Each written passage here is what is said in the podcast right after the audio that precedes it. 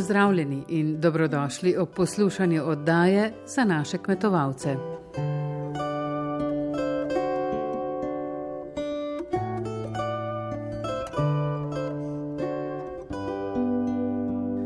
Današnjo oddajo bomo skoraj v celoti posvetili vse slovenski kampanji ozaveščanja potrošnikov, ekološko in lokalno je idealno.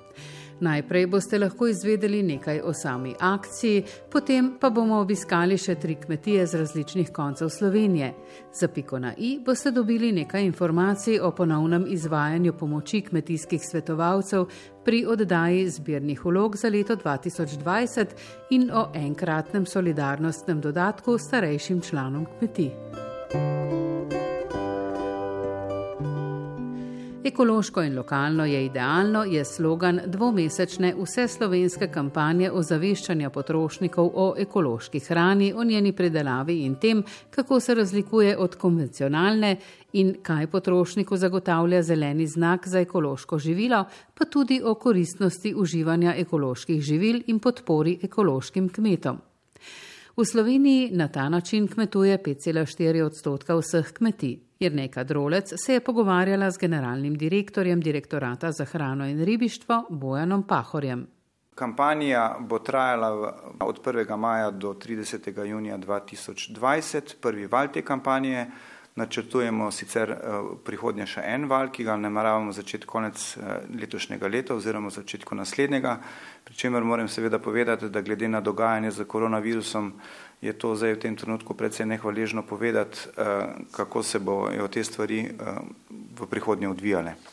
Kampanja, ki smo jo začeli z 1. majem, za njo smo namenili 250 tisoč evrov proračunskih sredstev, v celoti to financira država Slovenija.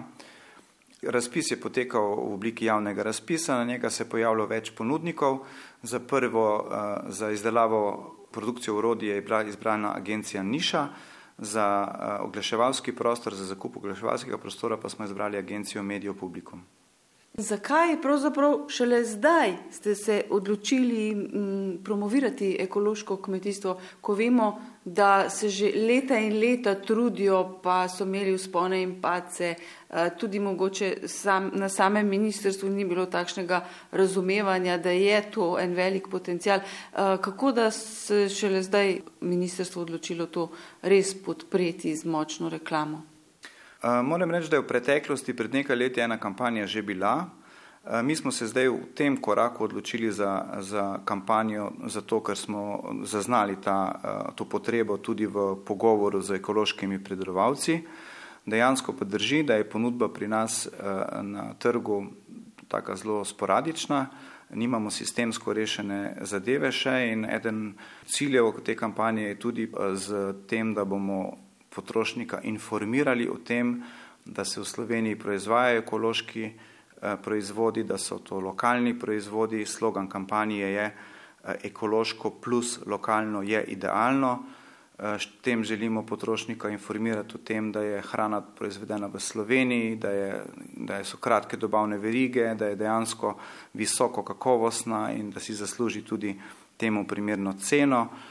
S tem bi želeli seveda potrošnika usmerjati v to, da bi na trgu iskal to našo hrano, da bi eden od ciljev kampanje seveda tudi je, da potrošnik jasno prepozna znak ekološki in ga potem tudi zna poiskati, da v njemu prebudi to, kar kampanja nagovarja, torej da je to slovenska hrana, da je lokalna. In želimo si seveda, da bomo potem v prihodnje tudi z drugimi ukrepi število proizvajalcev in tudi ponudbo slovenske hrane lahko na slovenskem trgu še povečevali. No in kakšen je znak, ta, ki bo potrošniku že takoj na prvi pogled povedal, da gre za ekološko hrano? V okviru te kampanje bomo uporabljali evropski znak, ki označuje ekološke proizvode. Znak sam je na zeleni podlagi, izrisujejo ga zvezdice, s katerim se nakazuje, da je to znak Evropske unije in ta list, zeleni list je pravzaprav emblem te kampanje, s katero seveda želimo kot sem že povedal, poudarjati pomen pridelave živil, ki so certificirane, ki so redno kontrolirana in za katere je zagotovljena natančna sledljivost porekla živila. Stanje ekološke pridelave pri nas trenutno. Uh, vemo, da so mi bili cilji kar precej visoki, ambiciozno zastavljeni in je potem prišlo do velikega razkoraka uh, med realnim stanjem in pa med cilji. V letu 2019 eh, ugotavljamo, da smo imeli eh, v ekološko kontrolo vključenih okoli 3800 kmetijskih gospodarstev, kar predstavlja približno 5,4 odstotka vseh kmetij in te so obdelovali približno 10 odstotkov kmetijskih zemljišč, kar je tam okoli 49 tisoč hektarov. Eh, med površinami, ki so bile z ekološkimi vsebinami, so prevladovale Eh, travinje, njive, sadonjaki, tudi vinogradi eh, in predvsem pa v manjšem delu pa tudi zelenjava in olčniki. Eh, kot glavni proizvodi so bili v bistvu prepoznani perutnina, potem pa temu sledi tudi drobnica in govedo. Mi se vsekakor želimo, da bi sledili povečanemu popraševanju potrošnikov, ki si želijo večjo količino svežih vrtnin, sadja, in tudi nemestnih predelanih živil, ki jih v tem trenutku v slovenski proizvodnji še ni in seveda potem te nadomeščajo uvoženi izdelki, tako da bi v principu zaznavamo zelo velik potencial na trgu ekoloških živil in tudi to je ravno namen te kampanje, da, da promoviramo najprej potrošnjo domačega in s tem seveda, ko bomo, ko bomo potrošnjo domačega eh, promovirali, eh, bodo kupci iskali slovensko proizvodnjo, zaradi tega bomo seveda naredili prostor, da bodo potem eh, domači proizvajalci imeli interes tega še več proizvajati. Kako pa nameravate v prihodnje še krepiti ponudbo domače ekološke hrane in predvsem teh izdelkov, torej z neko dodano vrednostjo, ker vemo, da kmetje ekološki če naredijo nek, predelajo ekološko surovino, torej ali mleko ali zelenjavo v neke namaze, to zlahka prodajo na tržnicah uh, in nekako sploh nimajo interesa, da bi ponudili v trgovine na trgovske police ali in pa mogoče kako želite ukrepiti ta del. Ja, pravilno ste ugotovili, večina slovenskih ekoloških proizvodov se pravzaprav prodaja v neposrednji prodaji, bodi si na kmetijah ali na lokalnih tržnicah. Mi si želimo seveda, da bi eh, delež eh, te ekološko predelane hrane živil prišel tudi na trgovske police. S tem namenom smo pristopili k izvedbi akcijskega načrta za razvoj ekološkega kmetijstva. Eh, ta načrt bo predvidoma dokončan do, letoš, do konca letošnjega leta in v njem bomo uh, poskušali odgovoriti na vsa vprašanja, ki ste jih pravzaprav uh, izpostavili, se pravi ugotoviti, kakšna je dejansko ponudba in popraševanje. Želimo v bistvu zatem uh, pomagati kmetom, da se bodo pravilno usmerili v izvajanje aktivnosti za proizvodnjo živil, pa tudi seveda, da bodo pravilno znali se vključiti v samo ekološko kmetovanje. Sama vsebina bo pa zajemala sistemsko vse dejavnike, od potreb, ciljev, ukrepov po vseh aktivnostih, zato da bi ekološko kmetijstvo sistemsko razvijali.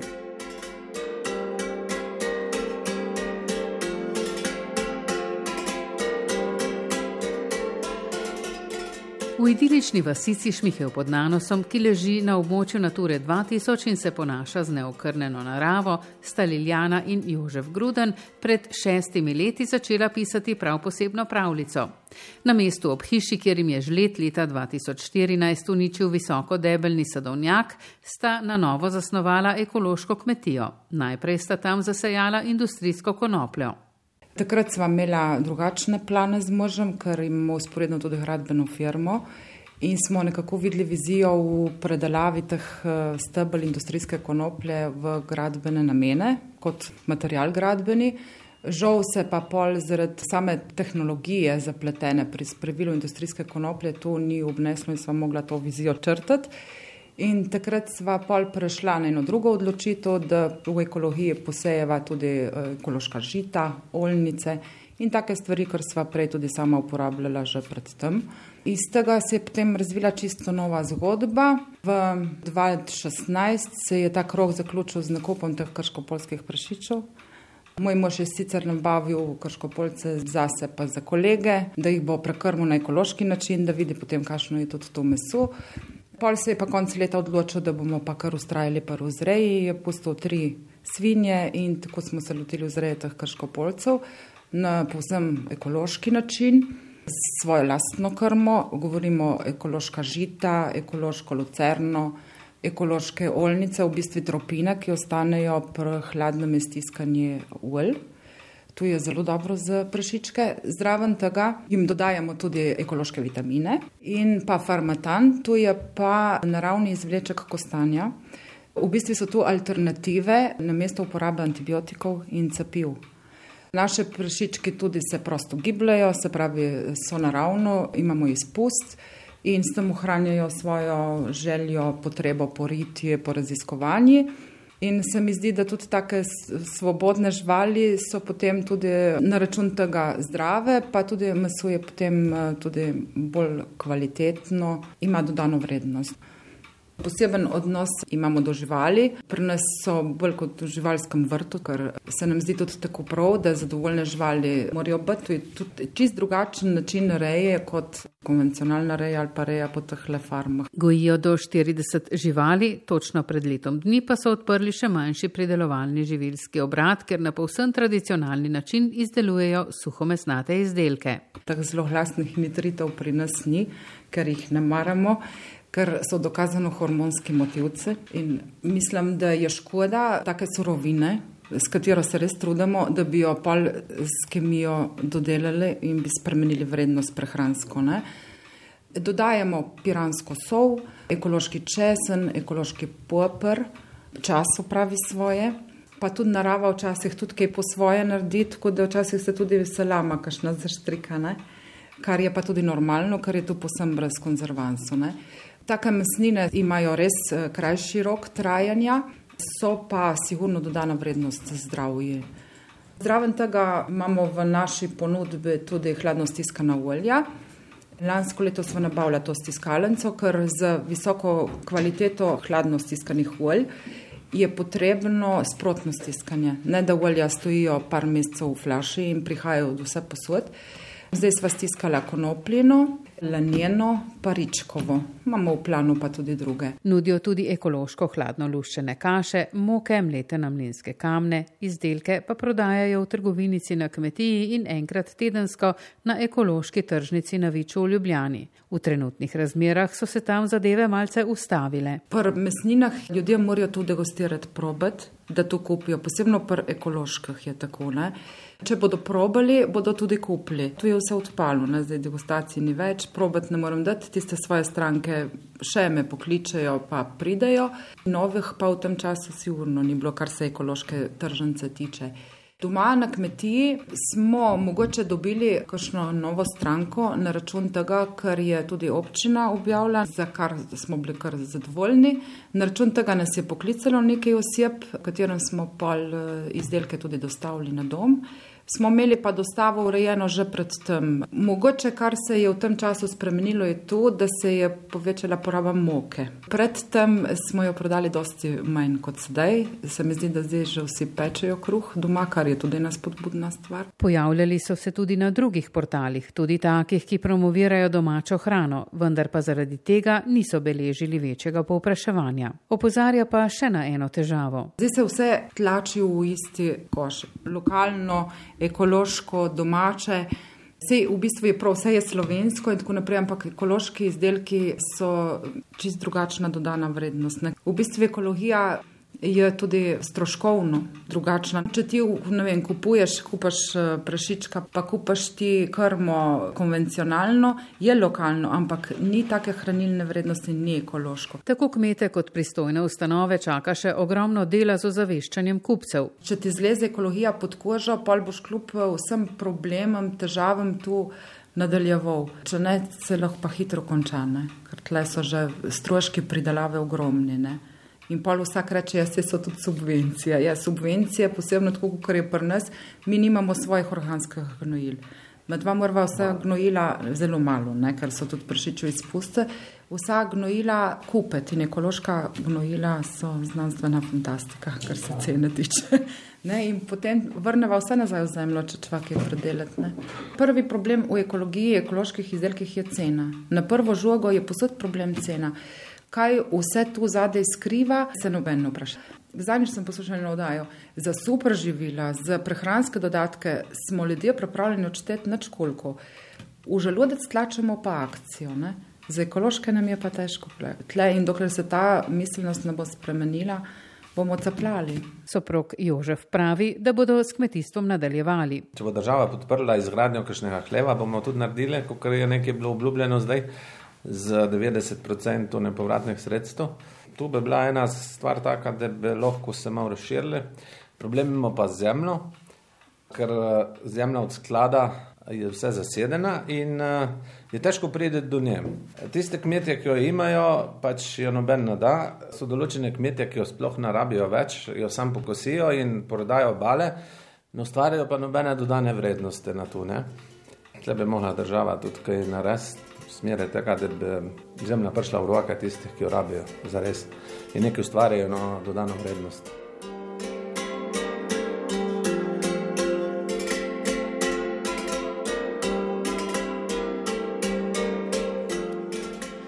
Na kmetiji Črnelič v dečnem selu pri Brežicah na 40 hektarjih predelujejo zelenjavo. V tem času so njihov hit jagode. Kot pravi lasnik Zvone Črnelič, se je popraševanje za ekološko pridelano zelenjavo v času epidemije le še povečalo. Tudi za pridelke više kakovosti z znamkom Demeter.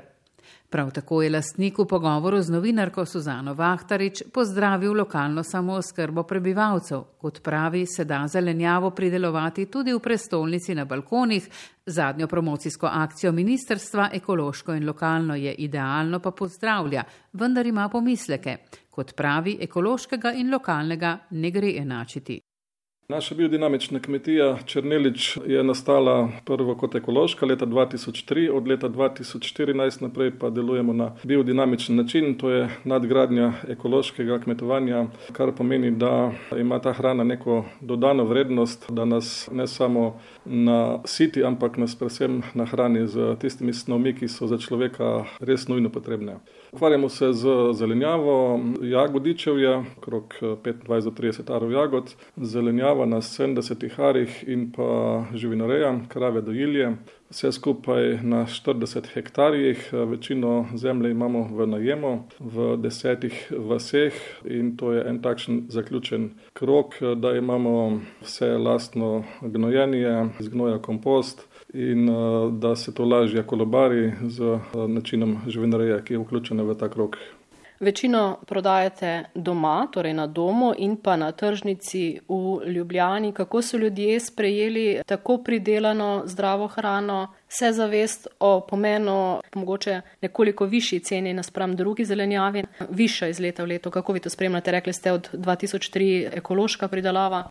Ja, ljudje to zelo dobro sprejemajo. Ja, cena je višja, ampak ljudje so to pripravljeni plačati, ker res prepoznajo, prepoznajo ta okus. Mogoče predvsem pri jagodah, kjer otroci ne dobijo alergij in to je pol tisto, kjer mamice in starši verjamejo, da je, da je to res predelano na tak način. Kratka, ljudje so pripravljeni plačati več in na koncu vidijo, da to niti ni več, da je v bistvu nagrada za to, ker je na koncu več manj, tako bi rekel pod znamko Demeter torej tržite, seveda ste močno kontrolirana pridelava zaradi eh, vzdrževanja kakovosti, pa vam pomaga to, prepoznajo znak, prepoznajo pridelek. Ja, začeli so prepoznavati tudi te znake, ja, više kakovosti, predvsem tujci, ker je to v tujini veliko bolj že prepoznavno. Ampak jaz kot kmet svoje stranke z nekimi dokumenti nočem posiljevati, enostavno pustim strankam, da to same najdejo in to spoznavanje se, se veča in to so ljudje skratka prepoznali. Kako pa je v bistvu zdaj potekalo pod temi korona okrepi, omejenim gibanjem, ki smo ga imeli še pred nedavnim na vaše delo na kmetiji? Imate mogoče tudi dodatne pomoči ali vse upravite v družinskem krogu in pa seveda drugi segment, kako je to vplivalo na prodajo? Kar se tiče dela na kmetiji, se pravzaprav za nas ni nič spremenilo. Seveda imamo pomoč sezonskih delavcev. Na kmetiji se delo praktično ni nič spremenilo, delamo enako. Te pogoji virusa nas ne ovirajo, imamo pač najlepši poklic, delamo v naravi in zato nismo tako pod tem strogimi predpisi, ker nas je seveda malo na kmetiji in to se da reševati. Kar se tiče prodaje, je pa popraševanje še veliko večje kot prej, tako da v bistvu ne zadostimo vsem potrebam. Trenutno imamo jagode in popraševanje po zelenjavi eh, zelo se je povečalo, tako da ljudje, mislim, da ta, ta situacija je kot en dober znak v razmislek v pozitivno smer, tako bi jaz to vzel. V Ljubljani na tržnici prodajate trenutno jagode, so zelenjavo prodajate tudi doma na kmetiji, pa se ljudje zdaj drugače obnašajo. Se torej vaše stranke pridržujejo samozaščitnega ravnanja ali pa pozabijo, ko pridejo na dvorišče, že so še stalne stranke, kje so, kako so in ste v bistvu z nekaterimi že kar bolj kot ne prijatelji. Ne? Točno tako. Bom rekel, da se držijo predpisov, čeprav tudi ne tako striktno. Zdaj, če pride pač ena oseba na kmetijo posamezno, ni to tak neki veliki kiks, no po mojem. Ljudje čisto normalno funkcioniramo na tržnici, pa imajo maske, tudi vsi ne. Nekako se mi zdi čisto tako, nečkaj preveč rigorozno. No. Kako pa vi doživljate to, da so ljudje mogoče le kanček bolj samooskrbni, da se urejajo vrtički, da nekje tudi sedijo, če ne drugače, v cvetlične lonce? Ministrstvo povdarja oziroma sami smo doživeli tudi ta pomen samooskrbe. Točno to je opaziti, ja, da so ljudje začeli eh, vrtove tudi bolj urejati, tako kot ste rekli, mogoče na balkonih gojiti razno, razno tako drobno zelenjavo. To se je premaknilo in mislim, da je to prava smer, mogoče pa premalo povdarka iz eh, vrha države, da dajmo se to res bolj uh, samo oskrbeti. Zdaj je ta prilika, mogoče se nam ta situacija še ponovi, ampak takrat bo prepozno. Ne? Zdaj je ta trenutek, sredi leta smo in ljudje bi mogli čim več uh, sami predelati. Tudi tisti, ki so sredi Ljubljane, imajo to možnost, uh, ker takih primerov je, da najemajo vrtove okolici in to je tisto ta pravo, da predelamo res sami za sebe in zdravo. V tem zadnjem času, ko povdarjamo torej lokalno oskrbo, spet uh, vodijo nove kampanje, torej kako pa vi razmišljate o tem? Vsekakor moram to kampanjo pohvaliti, ker že zelo, zelo dolgo ni bilo nobene kampanje v ekološko smer. Mogoče imam pa en pomislek na ta slogan: ekološko plus lokalno je idealno. Zdaj, um, če je to razumljeno ekološko predelano in lokalno, je to seveda zelo vredno. Če pa razumemo drugače, da je to ekološko, kaj pomeni ekološko, mislim, da vsi vemo, to pomeni predelava brez kemije. Lokalno pa pomeni lahko tudi kakšna drugačna predelava. Lokalno je po mojem prva največja točka, da podpiramo domačega kmeta, potem da je manjši oglični odtis na račun eh, manj prevozov, da je bolj sveže obrano, če govorimo o sadju ali neki zelenjavi. Četrta točka je pa tisten veliki če, če je to zdravo predelano. Tako da po mojem enačiti ekološko in lokalno eh, ni čisto enostavno. Je treba malo o tem razmisliti. Torej, gospod Zvončenerič, kako bi v bistvu zaključili, kaj nam je dal ta čas? Jaz vzamem to kot pozitivno en razmislek, da mogoče vsega niti ni potrebno nam bilo tako kot zdaj. Vem, če govorimo o trgovinah, na kmetih gremo mogoče enkrat oziroma enkrat na mesec gremo v trgovino, seveda v mestih to ni tako enostavno. Kratka, mislim, da na en kup stvari takih, ki smo zdaj videli, da niso potrebne, da lahko malo tudi drugače živimo in vzamemo to kot razmislek v neko pozitivno smer, da lahko tudi malo drugače živimo, malo lepše.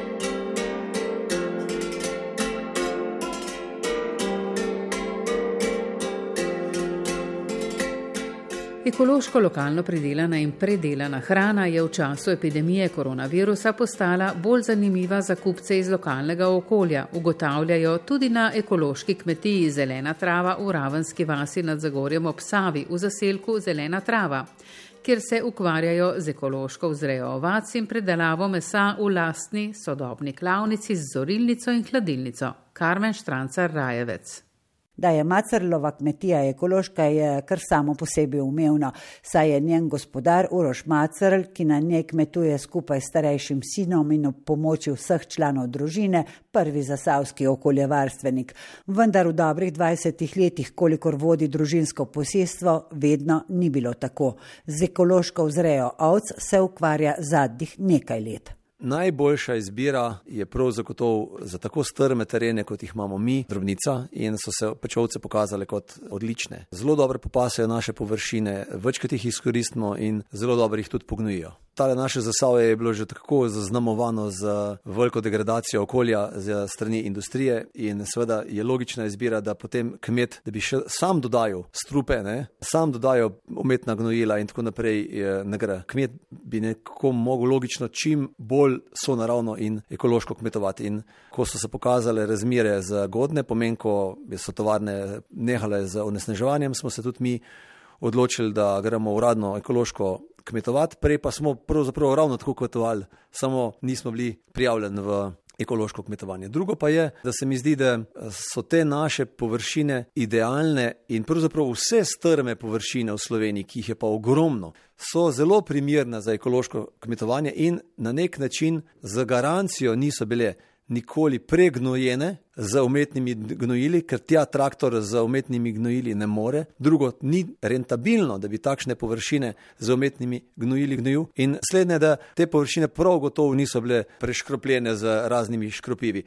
In če imamo takšne površine, na katerih pa ni druge možnosti strojne obdelave kot paša, potem je seveda edina logična izbira ekološko kmetovanje. Cilj je pa seveda imeti zdravo, doma pridelano ekološko hrano kar pomeni zelo kratke transportne poti, ki po eni strani so seveda zelo pozitivne za sam pridelek, za meso ali za kakršno koli sadje, karkoli kmet prodaja. Drugo so z ekološkega stališča gledano zelo pozitivne, zato ker ni obremenjevanja okolja in seveda na drugi strani sveže. Garancija, da je to sveže. Pripričan sem, da je varnost slovenske hrane večja in boljša in kvaliteta večja in boljša in nadzor večji in boljši, kot pa če to uvažamo iz določenih drugih držav, kjer se je pa že pokazalo v praksi v Sloveniji, da lahko dobimo tudi kakšna presenečenja. V zadnjih dveh mesecih v času epidemije je pomen lokalno pridelane hrane dobil na veljavi. Saj jaz opažam, pa jaz mislim, da tudi drugi kmetje, da nekako popraševanje po teh naših lokalnih pridelkih, izdelkih se povečuje. Zavest uh, slovenskega kupca se povečuje in to je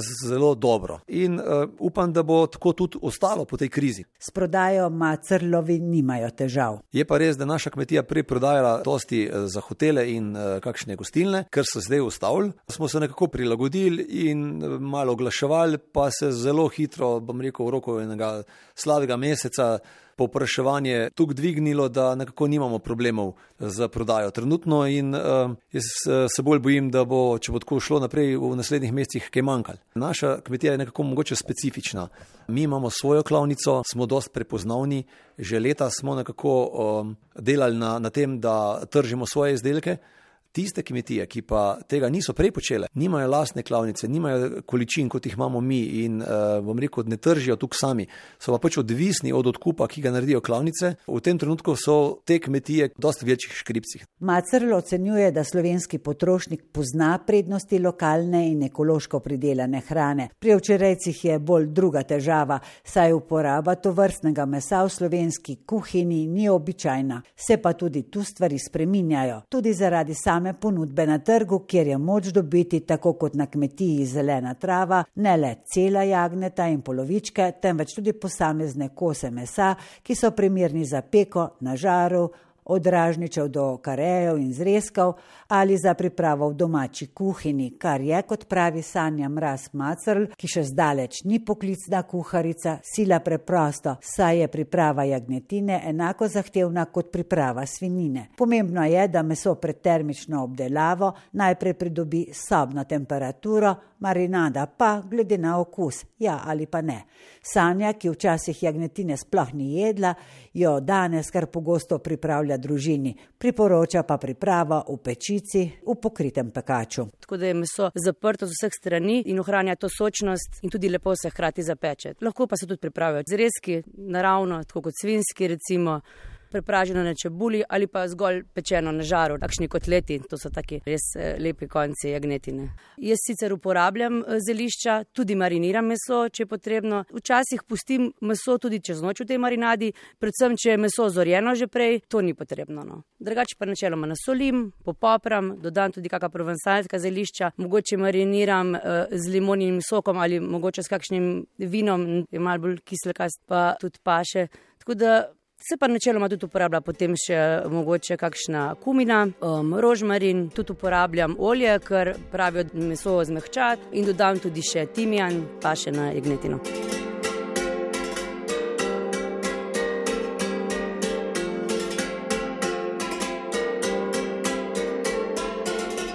V teh dneh kmetijski svetovalci kmetom ponovno pomagajo pri elektronskem izpolnjevanju in oddaji zbirnih vlog za leto 2020. Rok za oddajo bo predvidoma podaljšan do 15. junija. Kmete bodo na obiske naročali, upoštevati pa bodo morali vsa varnostna navodila v zvezi s koronavirusom. Kmetijske svetovalne službe pa bodo pri oddaji vlog pomagale tudi starejšim članom kmetij, ki so po noveli interventnega protikorona zakona upravičeni do enkratnega solidarnostnega dodatka 150 evrov. Rok za oddajo vloge je le še do 15. maja, zato naj upravičenci čim prej pokličejo kmetijsko svetovalno službo ali pa s pomočjo svojcev izpolnijo obrazec, ki ga najdejo na spletni strani kmetijskega ministrstva in kmetijsko-gozdarske zbornice. Jrnejka Drolec se je pogovarjala z Urško Ahlin Ganziti z Kmetijsko-gozdarske zbornice. Upravičenci do tega enkratnega solidarnostnega dodatka so tisti člani kmetije, ki so starejši od 65 let, tako ženske kot moški, in katerih lastni dohodki ne presegajo cenzusa za varstveni dodatek. Za samsko osebo ta cenzus znaša 591,20 evrov, pravi Urška Ahlin Ganziti. Zato na Kmetijsko-gozdarski zbornici pozivamo vse navedene upravičence, da pridobijo vlogo, ki jo lahko pridobijo ali na naši spletni strani, ali na spletni strani Ministrstva za kmetijstvo, ali pa tudi v fizični obliki pri naših svetovalcih po terenu.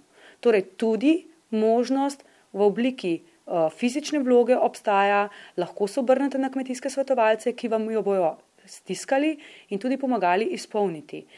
To vlogo je potrebno izpolniti in najkasneje do 15. maja posredovati na Ministrstvo za kmetijstvo, gozdarstvo in prehrano. Višina te enkratne pomoči znaša 150 evrov in je enaka kot za vse preostale ranljive skupine, tako kot so ranljiva skupina ljudje iz kmečke populacije nad 65 let. To so vsi tisti, ki pravzaprav nimajo svoje pokojnine. Vi veste, da po 65. letu praviloma se lahko vsak upokoji, vsak, ki je dopolnil vsaj 15 let zavarovalne dobe. Eh, žal pa eh, je življenje pokazalo, da je na kmetijah še vedno veliko takih oseb, ki jim njihova dejavnost, ta kmetijska dejavnost, ko so še bili aktivni, žal ni omogočala plačila prispevkov. In te ljudje niso dopolnili uh, te zavarovalne dobe, nimajo svoje pokojnine, zato so te ljudje pravzaprav brez nekih dohodkov na starost ostali. Tem ljudem je glede na pogoje, ki jih je sicer interventni zakon prepisal uh, za ranljive skupine in sicer starostni pogoj in dohodkovni pogoj, vsekakor tudi potrebno bilo pomagati. Te osebe so si po tradiciji zagotovile varnost z nekim družinskim dogovorom ali sklenili pogodbo o preživljanju, s tem pa so izgubili pravico do socialnih transferjev in praviloma ne prejemajo socialne finančne pomoči. Zato je še toliko bolj pomembno, da ukrep ne bo ostal samo nekaj, kar se lepo sliši, v praksi pa pomoč do upravičencev ne bi prišla. Seveda pa upravičenci potrebujejo transakcijski račun na banki, da jim bo dodatek lahko izplačan. V tem trenutku sicer datum izplačila še ni določen. Música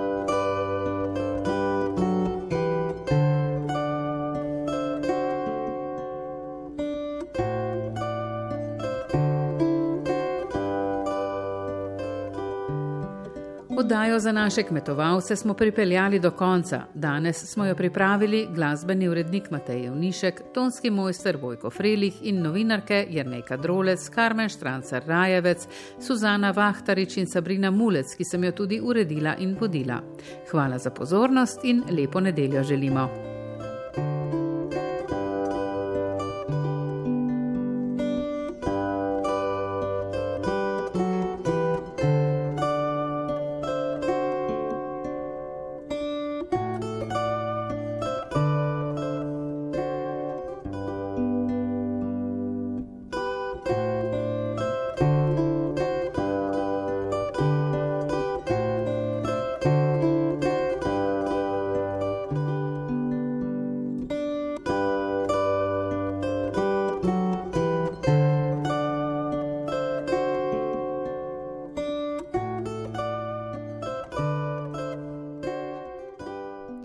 Vremenska napoved za naše kmetovalce. Razvoj vremena od četrtka dalje je še razmeroma težko napovedljiv, v višinah bodo prevladovali jugozahodni, pri tleh pa vzhodni vetrovi. Ozračje bo dokaj vlažno. V četrtek bo večinoma oblačno in deževno ter dokaj hladno, v petek in sprva še v soboto kaže na večinoma suho in malo toplejše vreme, na to pa bodo padavine spet verjetnejše. Jutranje temperature bodo okoli 10, popovdanske pa okoli 20 stopinj.